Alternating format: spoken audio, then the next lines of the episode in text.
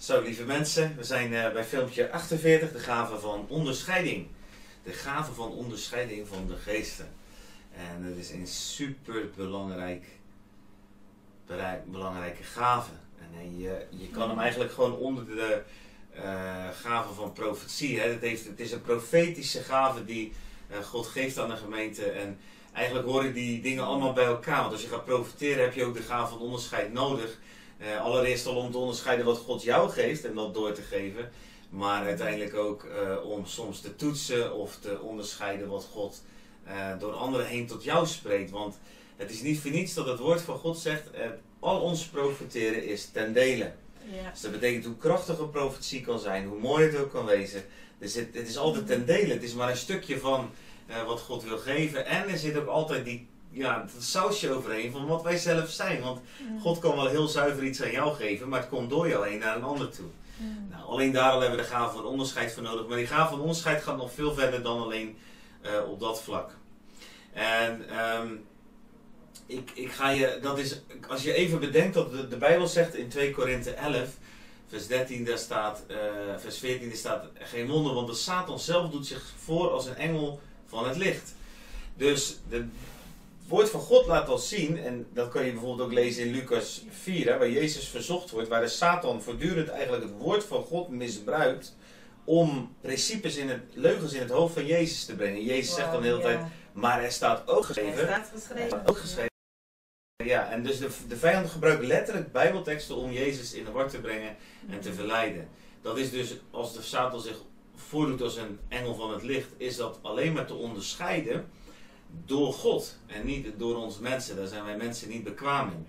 Uh, maar God die kan vanuit de hemel onze gaven geven, waardoor we het onderscheid kunnen maken tussen dingen die heel mooi lijken, maar uit de hel komen. En dingen die heel mooi lijken en vanuit de hemel komen, die heel mooi zijn en vanuit de hemel komen, moet ik natuurlijk zeggen. Ja. Je ziet dat bij Paulus ook voortdurend die gave van onderscheid. Soms gaat hij echt tekeer tegen dingen die heftig zijn en die hij waarneemt in de gemeente. Maar waarvan je net zo goed zou kunnen zeggen, nou dat is best wel heel mooi. lees maar eens de brief aan de Galaten die Paulus schrijft over wetticisme. Daar zou je van kunnen zeggen, nou die mensen houden zich heel erg aan regels en heel erg bezig met wat ze doen en laten. Fantastisch, prachtig. Maar Paulus die gaat als echt keer gewoon tegen die mensen in Galaten. Hij noemt ze echt ook uitzinnig. En hij zegt, uh, nou hij zegt hele grappige dingen ook van uh, als je zo graag wil laten besnijden dan, uh, dan laat je zelf maar castreren, zegt hij letterlijk als je de grondtekst leest. Dus hij gaat heel fel gaat hij daarin. Waarom? Hij merkt dat daar zuurdesem binnenkomt. En hij weet dat één kruimel zuurdesem de hele gemeente gaat verzuren. Dus dat één kruimel wetticisme of religie uiteindelijk het geloof van al die mensen gaat erover. En daarom is hij zo fel. Maar als je van uiterlijk, van buitenaf kijkt, ja, dan ziet het er eigenlijk heel prachtig uit. En dat is vaak zo. Dat is ook vaak zo in, onze, in ons leven, in onze gemeentes is dat zo zal nog een ander voorbeeld geven, maar dat raakte mij pas ook weer zo dat als je in 1 Timotheus 6 leest, vers 4 en 5, wat Paulus schrijft daar, dan eindigt hij dat en dan zegt hij, uh, uh, mensen, dan, gaat, dan, spreekt hij erover en dan zegt hij, hij heeft een zwak voor geschillen en haarkloverij, een haartje kloven. Nou, dan ben je dus echt heel minutieus bezig. En dan staat er, daar zij godsvrucht als iets winstgevend beschouwden. snap je dat? Het ziet eruit als heel godsvruchtig wat die mensen doen. Ziet er fantastisch uit. Ze lijken heel erg begaan en met God bezig en doen de dingen voor God. Lijkt het, alleen hij prikt daar doorheen en hij zegt: ho, ho, ho, dat is uiterlijk. Ze zijn bezig met zich aan regels en wetten te houden. Maar de relatie met God ontbreekt volledig. Nou, daar heb je er een. Hè? De relatie met God ontbreekt volledig. En wij hadden het net even in de voorbereiding ook nog over. Toen kwam Michelle ook die, over die tekst waar staat in Matthäus 7, vers 21 tot 23. Niet ieder die tot mij zegt, Heere, Heere, zal binnengaan in het koninkrijk hemel, van der hemelen. Maar wie de wil doet van mijn vader die in de hemel is. Ja. En velen zullen op die dag tegen mij zeggen: Heere, Heere, hebben wij niet in uw naam geprofiteerd? En in uw naam demonen uitgedreven? En in uw naam veel krachten gedaan? Maar dan zal ik, Jezus, openlijk zeggen: Ik heb u niet gekend. Ga weg van mij. U die wetteloosheid werkt. Hmm. Dit heeft alles te maken, dit staat ook in Matthäus 7, vers 21 tot 23, alles te maken met de gave van onderscheid. En het gaan werken vanuit relatie met God. Het is de relatie met God waardoor wij onderscheiden wat wel en niet van Hem is. Het is mijn relatie met Michelle waardoor ik naar een winkel kan gaan en kan weten wat zij wel en niet leuk vindt. Waarom? Omdat ik haar door en door kent en ook in haar leven. En dat kan soms heel gedetailleerd zijn. En ik kan, als mensen haar minder goed kunnen, kunnen ze minder goed vertellen wat ze leuk vindt. Dat is 100%. Uh, iemand kan met een serviesje aankomen, Michelle houdt van, van servies.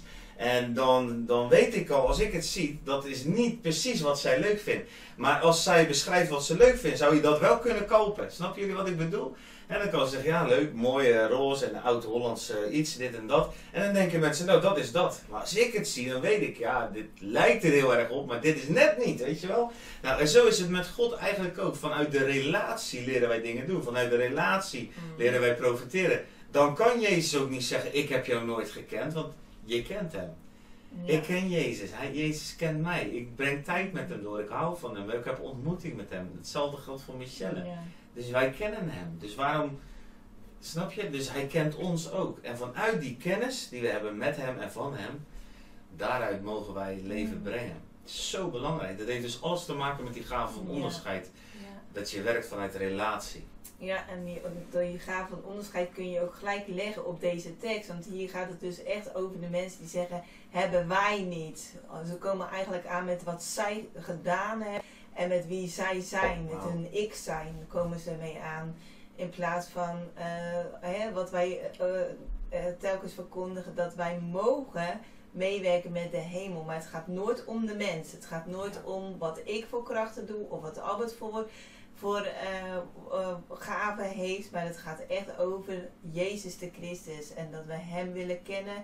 En dat dat ons hoogste goed is. En dat we dat ook willen doorgeven. Dat we mensen dus in verbinding willen brengen met God de Vader, de Zoon en de Heilige Geest. Met zijn koninkrijk, met zijn wil en met zijn kracht in de naam van Jezus. Ja. Mooi.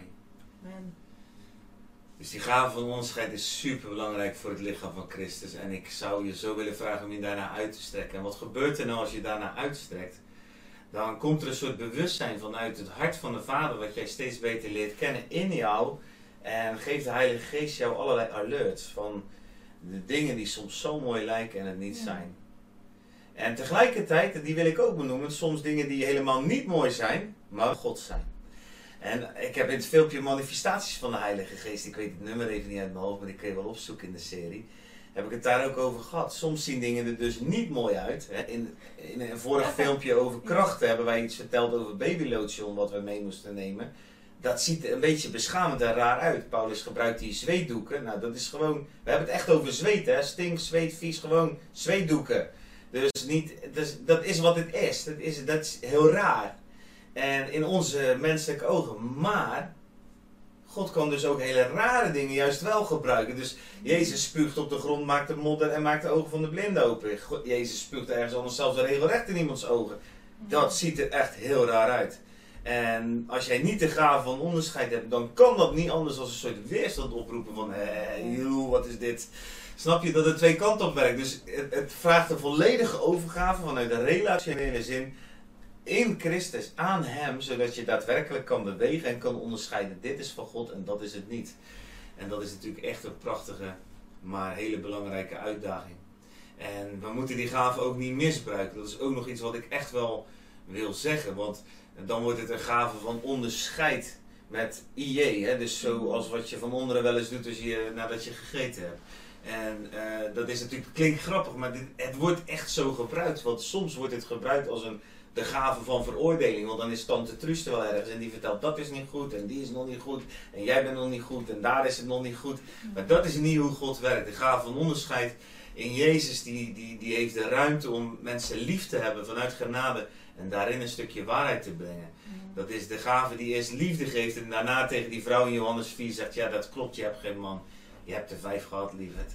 En, en, en, en vanuit die hartsrelatie waarheid brengt. Maar heel vaak in de gemeente van God wordt dit ook misbruikt. En dan wordt het een gave waar mensen elkaar mee onderscheiden eigenlijk. En mhm. lelijke dingen zeggen. Of mensen zeggen, ja, die is daar nog niet aan toe. En die is zus niet en die is zo niet. Dus het is een, een, balans. Want soms is het tegelijkertijd ook zo dat God wel wil laten zien dat iemand nog niet ergens aan toe is enzovoort. Dus wat hebben we nodig?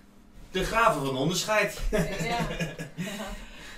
Ja, we hebben ook ge geheel, geheel zijn nodig en vanuit de liefde van God. Want uh, dat wat Albert net aanhaalde, hij heeft echt alles te maken met jouw visie met jouw, um, ja, jouw, jouw um, interpretatie van, van eh, wat er gebeurt. Dus het heeft te maken met. ehm, ik Ja, je lens eigenlijk. Dus, ja, je lens. Het, het heeft te maken met je lens waarop je, waarop je iets eh, bekijkt. ja.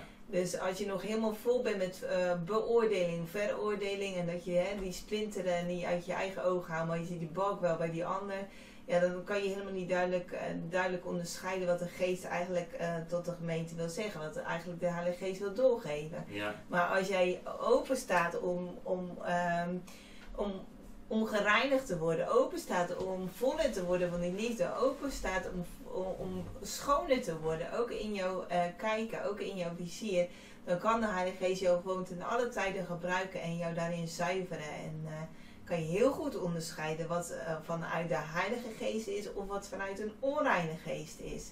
En hoe bemerk je dat het, het is niet alleen maar dat er een soort alarmbelletje afgaat, maar je krijgt gewoon hele wijze, wijze openbaringen. Je- Het is net alsof dat het licht gewoon aangaat en wat de duisternis ontmaskert. Je ziet het gewoon. En eh, lees het eh, verhaal ook maar van Simon de Tovenaar, waarin ook in Gods woord zo duidelijk staat geschreven dat hij ook echt vanuit een foute geest verlangde naar kracht. Hij verlangde helemaal niet naar Jezus te kennen. Hij verlangde helemaal niet naar zijn leven over te geven aan God de Vader, de Zoon en de Geest. Nee, hij verlangde eigenlijk alleen maar naar kracht. Hij wou alleen maar interessant zijn. En hij wou alleen maar datgene doen, zodat alle mensen hem zouden volgen. Dus het draait dan om hem, om hemzelf. En als we teruggaan naar het onderwerp, dan zien we dat het echt ten alle tijden altijd gaat niet over eh, onze kracht, niet over onze gaven, maar het gaat echt over Jezus de Christus. Dus gaven van onderscheid is heel belangrijk. Want iemand kan zich heel vroom voordoen en jij kan gewoon samen met de Heilige Geest daar dwars doorheen kijken en ontmaskeren dat het helemaal niet eh, juist is wat die persoon op dat moment zegt, maar dat die persoon iets heel anders van plan is. Wat gebeurde er? Ja, ik zocht even iets om voor de lens te doen. Soms kan je zo mooi even door een kleurtje voor de lens te laten doen zien hoe je perspectief en je beeld ook kleurt. Hè? Want als ik hier nu een rood lapje voor de lens doe, dan zien jullie Michelle allemaal knalrood, maar ze ziet er nog hetzelfde uit. Zodat dat is even van wat voor bril heb je op. Als je heel je leven pijn hebt Mm. gehad en dingen moeilijk zijn, dan, ja, dan zie je een ander ook vaak door die lens. Maar goed, dat is ook ja, eigenlijk voor dit te uitgebreid. Dus je kan je het je wel voorstellen. Heel mooi wat jij deelde ook, Mies. En ehm, ja, praktische voorbeelden uit ons leven. eh, eentje die me nog even te binnen schoot net is... eh, ik heb wel eens veel geld van iemand aangeboden gekregen en heb ik nee moeten zeggen. Eh, ik heb wel eens een heel mooie business opportunity aangeboden gekregen waar we eh, ongetwijfeld nu eh, zeer rijk van waren geworden als ik gezien heb hoe dat verder gegaan is. En Ja. toch zei de Heilige Geest nee. En liet hij ons onderscheiden dat dat wat erachter zit eigenlijk eh, ja, niet vanuit de hemel kwam en uit een hele andere eh, vaatje werd getapt. Ik ga bidden, Michelle gaat bidden, voor dat wij deze gaven ook mogen vrijzetten over jou. En eh, dat die gaven van profetie en de gaven van onderscheid ook echt samen mogen gaan in je leven. Ik geloof ook echt als we dingen onderscheiden in mensen hun leven, dat God ons ook altijd een missie geeft om ook niet alleen dat te benoemen wat, wat we zien, wat er niet oké is, maar ook altijd laten zien van hoe het wel kan of eh, wat wel het plan op iemands leven is. Hè. Dat zie je overigens Paulus ook vaak doen als hij waarschuwt tegen dingen. Zegt hij ook van, maar zo zou het wel moeten. Of dat zou je wel gelukkig maken. Nou, ik wil jullie bidden, de gaven van onderscheid.